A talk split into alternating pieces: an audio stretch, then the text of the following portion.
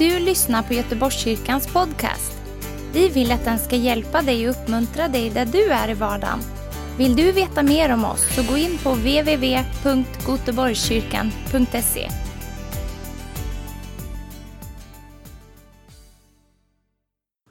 tack så mycket. Vad gott att se er alla här.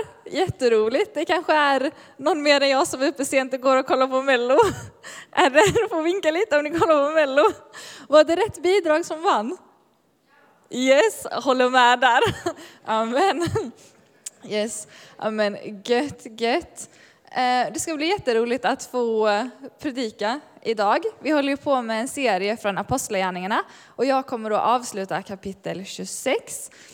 Och det är också så här äh, att jag tänker, för er som gillar att typ kolla på tv-serier, så när man kollar på nästa avsnitt så brukar man alltid få en liten återkoppling till föregående avsnitt innan man börjar kommande avsnitt. Och eftersom att vi har kört en predikoserie så tänker jag att vi kör en liten sån där äh, återkoppling, en liten vad som hände in the previous episode. Så vi kör det. Eh, I förra avsnittet, om man säger så, så var det Said som predikade och vi fick följa Paulus när han höll sitt försvarstal inför kung Agrippa. Och Paulus han hade då blivit gripen för att han predikade om Jesus. Det var inte så populärt. Så ja, han blev gripen och fick hålla ett försvarstal.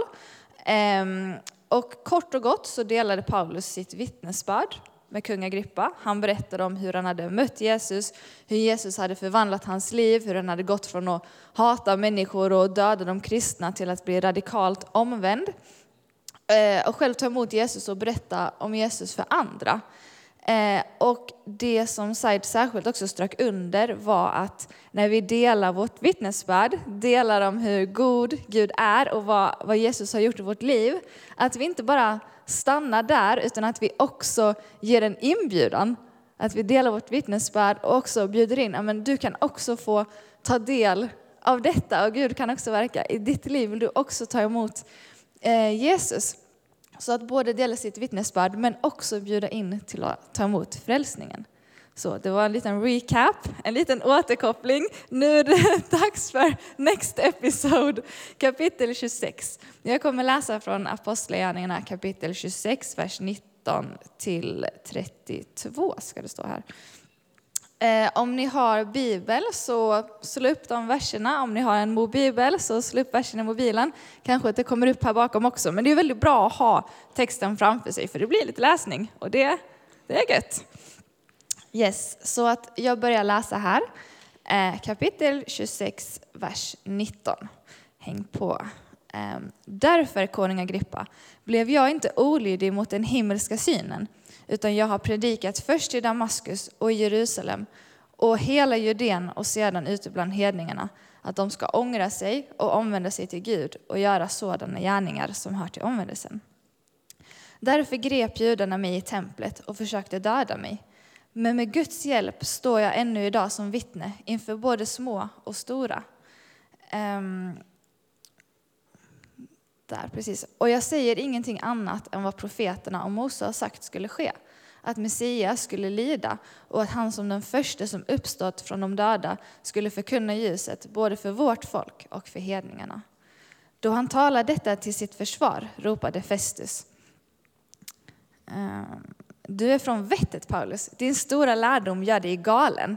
Paulus svarade, jag är inte galen, högt ärade Festus. Vad jag säger är sant och förnuftigt. Konungen känner ju till allt detta och därför talar jag också öppet och fritt till honom. Jag kan inte tro att något av detta är obekant för honom. Det har ju inte hänt i någon avkrok. Tror du på profeterna, konung Agrippa? Jag vet att du tror. Agrippa svarade Paulus, du går fort fram i ditt försök att övertala mig och göra mig till kristen. Paulus svarade, fort eller långsamt. Inför Gud skulle jag önska att inte bara du, utan alla som idag lyssnar på mig blev sådana som jag, bortsett från de här bojorna. Kungen reste sig nu tillsammans med landshövdingen och Bernike och de andra som satt där. Och när de hade dragit sig tillbaka sade de till varandra. Den mannen har inte gjort något som förtjänar död eller fängelse. Och Agrippa sade till Festus, han hade kunnat friges om han inte hade vädjat till kejsaren. Så Paulus han fortsätter alltså sitt försvarstal inför kung Agrippa. Och Paulus han inleder med orden i vers 19. Därför, konung Agrippa, blev jag inte olydig mot den himmelska synen. Därför, konung Agrippa, blev jag inte olydig mot den himmelska synen. Och de här orden är centrala för hela Paulus tal. Men vilken var den himmelska synen? Vilken är den himmelska visionen som Paulus inte var olydig mot? Det behöver vi backa bandet lite för att få se. Så vi går tillbaka till vers 12 i kapitel 26. Och där berättar Paulus om hur han var på uppdrag i Damaskus för att döda de kristna. Och under det uppdraget så fick han se ett starkt ljussken. Eh, vers 12. När jag i ett sådant ärende, alltså ärende att döda de kristna, var på väg till Damaskus med översteprästernas fullmakt och på deras uppdrag, fick jag under resan, konung Agrippa, mitt på dagen se ett ljus från himlen klarare än solen, stråla omkring mig och mina följeslagare. Vi föll alla till marken, och jag hörde en röst som sade till mig på hebreiska. Saul, Saul, varför förföljer du mig? Det är hårt och smärtsamt för dig att sparka mot udden. Jag sade, vem är du, Herre? Och Herren svarade, jag är Jesus, den som du förföljer. Men stig upp och stå på fötterna, ty jag har visat, jag har visat mig för dig för att utse dig till tjänare och vittne både till vad du har sett och till det jag kommer att visa dig. När jag räddade dig undan ditt eget folk och undan hedningarna, till dem sände jag dig för att du ska öppna deras ögon så att de vänder sig från mörker till ljus, från Satans makt till Gud. Så ska ni genom tron på mig få syndernas förlåtelse och arvslott bland dem som är helgade. Den himmelska visionen, det var dels den synen som Paulus såg. Han såg ett ljussken, han såg Jesus och han slogs till marken av detta starka ljusskenet. Det var en del av visionen som han såg. Men Paulus han fick möta Jesus, Jesus visade sig för Paulus och sen talade Jesus till Paulus och kallade honom, han kallade honom till att bli en tjänare och ett vittne. Ett vittne för Jesus, för att leda människor från ljuset till mörkret, från Satans makt till Gud. Och Jesus sände honom till judarna. Från mörker till ljus sa jag något annat. Från mörker till ljus. Så ska det vara. Yes, bra. Ni vet vad jag menar. Amen. Um, ehm, ja, och att han skulle öppna deras ögon så att de vände sig från mörker till ljus, från Satans makt till Gud. Och det var utifrån den här synen, den här visionen, när han bara slogs och verkligen slogs ner och drabbades av Jesu kärlek. Det var utifrån det som man sen fick som en mission att predika evangeliet, att förkunna Jesus, att leda människor från mörker till ljus. Så först så drabbades han av Jesu kärlek så totalt att han blev radikalt förvandlad och gick från att döda människor och hata de kristna till att själv bli kristen och leda andra till Jesus. Wow! Yes, amen! Så den himmelska visionen var dels den fysiska synen, det mötet, men det var också visionen och den missionen som Paulus fick. Att följa Jesus, berätta om Jesus för andra. Och Paulus han fick en så stark kärlek till människor att han till och med gav allting för det. Och liksom det ledde honom till att men han delade om Jesus, att han blev gripen och att han till slut då fick hålla sitt försvarstal här. Eh, och det var därför som Paulus stod inför konung Agrippa. Så vers 19. Därför, konung Agrippa, blev jag inte olydig mot den himmelska synen, utan jag har predikat först i Damaskus och Jerusalem och hela Judeen och sedan ute bland hedningarna, för att de ska ångra sig och omvända sig till Gud och göra sådana gärningar som tillhör omvändelsen. Och vidare i vers 20 så säger Paulus att de ska omvända sig och göra sådana gärningar som tillhör omvändelsen. Men vilka gärningar är det som tillhör omvändelsen? Vilka gärningar är det som tillhör omvändelsen? Jag tänker att det är ju dels det när man omvänder sig till Jesus, att man lämnar sitt gamla liv bakom. Man lämnar synd, man lämnar hat och sådana grejer. Men vad kan det mer vara? Hur kan vi förstå vilka gärningar som tillhör omvändelsen när vi läser detta kapitlet och läser om Paulus liv? Och när vi läser de här verserna så kan vi se att de gärningarna som tillhör omvändelsen, det är verkligen att lägga ner sitt eget liv. Paulus lägger ner sitt eget liv, han lägger ner sin bekvämlighet, han lägger ner sin personliga frihet för att följa Jesus och driven av den kärleken till människorna. Och det är gärningar som tillhör omvändelsen. Och det är så att när vi, när vi vänder oss till Jesus, då kommer vi behöva ge upp vår personliga frihet. Vi kommer behöva offra bekvämlighet. Eh, vi kommer behöva ta steg. Eh, det kommer krävas att ge upp själviskhet och själviska begär. Vi är inte längre drivna av vad vi själva vill, vår, egna, vår själviskhet. Vi är inte längre drivna av det, utan vi är drivna av Jesu kärlek. Och att göra de gärningar som hör till omvändelsen, det kan kosta också. Det kan kosta vänner, det kan kosta relationer, det kan kosta kritik och ifrågasättande. Ehm, jag vet att när jag själv eh, vände mig till Jesus på nytt när jag var 19 år så förändrades mitt liv och jag började göra gärningar som hörde till omvändelsen och leva för Jesus och inte för mig själv. Och det gjorde också att jag, jag tappade vänskaper som jag hade haft innan, för jag ville inte längre leva på det sättet. Och det var ju att offra någonting, men det var värt det. Och Gud är god, han har försett mig med så mycket nya vänner också. Så han leder oss verkligen och han är så god. Så det kommer att kosta, men det är också värt det alla dagar i veckan. Det är så värt att följa Jesus. Um, vidare så talar Paulus till Festus och kung Agrippa och han säger i vers 21 då. Därför grep judarna mig i templet och försökte döda mig. Men med Guds hjälp står jag ännu idag som vittne inför både små och stora. Och jag säger ingenting annat än vad profeterna och Mose har sagt skulle ske. Att Messias skulle lida och att han som den första som uppstått från de döda skulle förkunna, både, förkunna ljuset både från, för vårt folk och för hedningarna.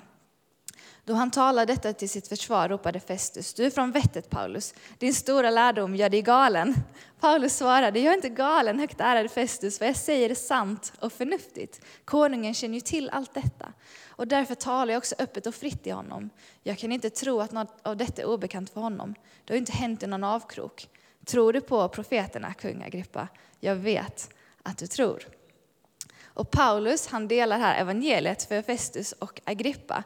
Och han delar evangeliet på ett personligt sätt till, när han talar till kung Agrippa. Och det är också så att kung Agrippa han hade kunskap om judendomen och han kände troligtvis till det här som profeterna och Mose hade sagt. Att Messias skulle lida och att han som den första som uppstått från de döda skulle förkunna ljuset både för judarna och hedningarna. Och vad som också är intressant, som jag läste i min handbok för livet, som är liksom lite mer kunskap om Bibeln, så, ehm, så var det att Agrippas farfars bror, Herodes Antipas, själv träffade Jesus under rättegången mot Jesus. Så det fanns ju vittnen för Jesus längre bak i hans släkt. Så kunskapen om Jesus hade ju troligtvis inte undgått Agrippa. Ehm, men han var inte villig att ta emot budskapet. Han hörde, men han valde att istället håna Paulus.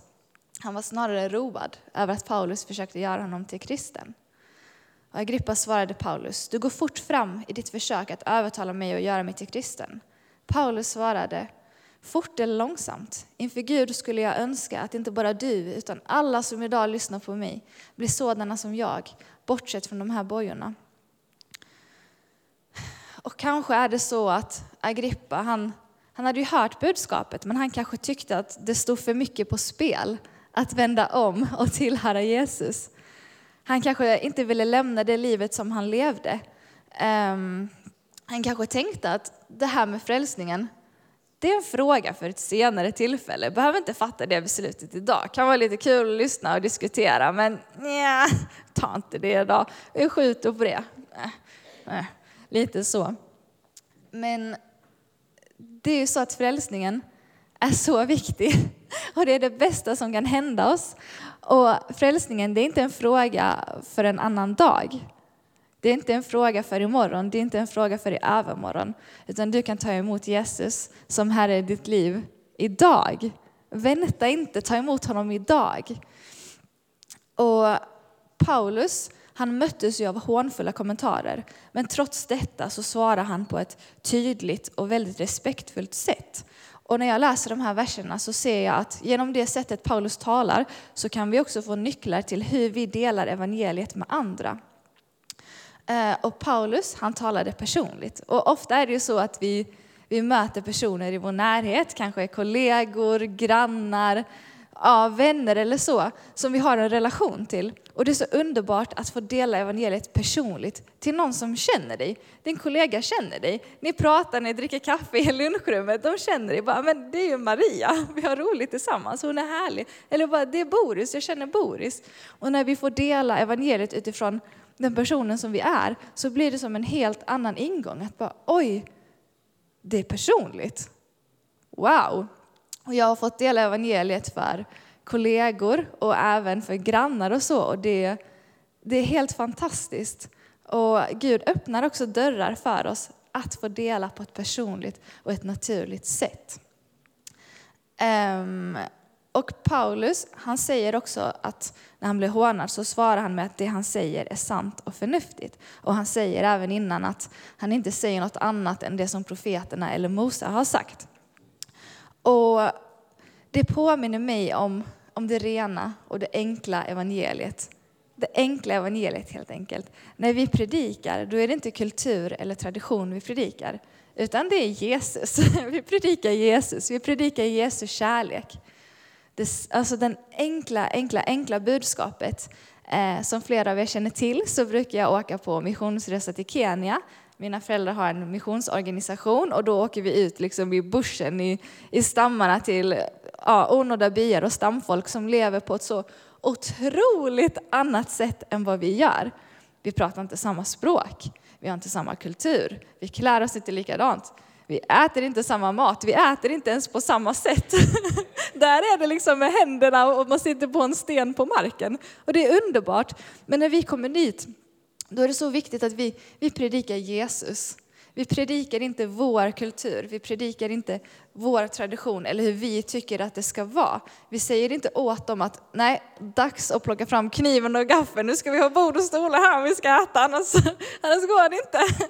Vi predikar inte att de behöver ändra hur de gör håret eller sina smycken, utan det är Jesus. Och när de tar emot Jesus i sitt hjärta och tar emot den helige ande så kommer han också uppenbara för dem och de kommer göra de gärningar som tillhör omvändelsen.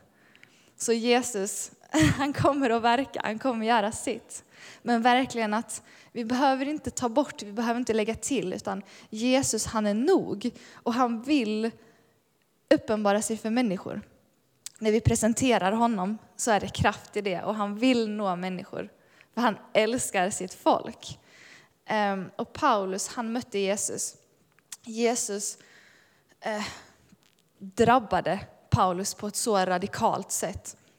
Och det var utifrån det, utifrån den kärleken som Paulus sen bara utgav hela sitt liv för Jesus.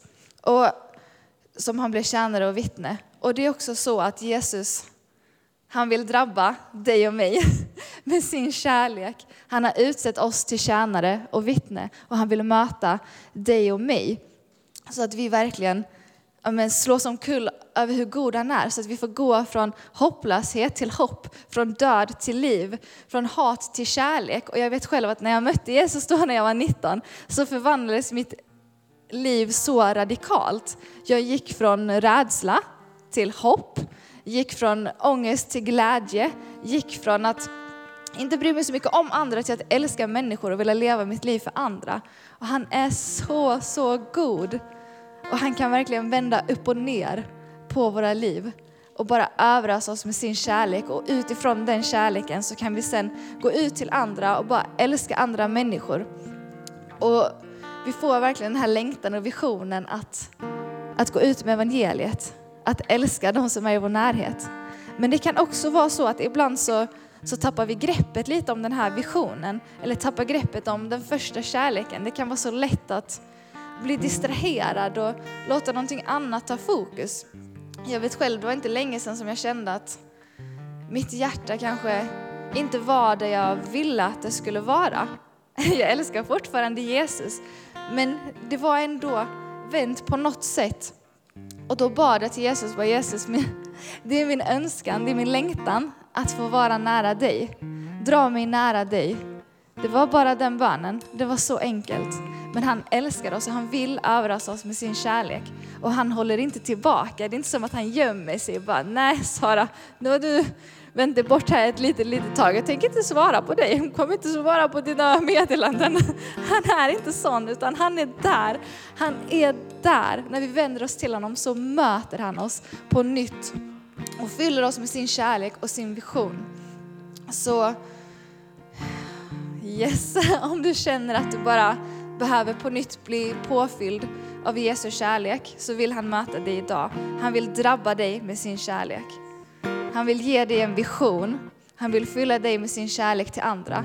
Och om det är så att du kanske har hört budskapet som kung Agrippa men du inte har tagit ställning till om du ska ta emot det eller inte så vill jag bjuda in dig idag till att ta emot Jesus.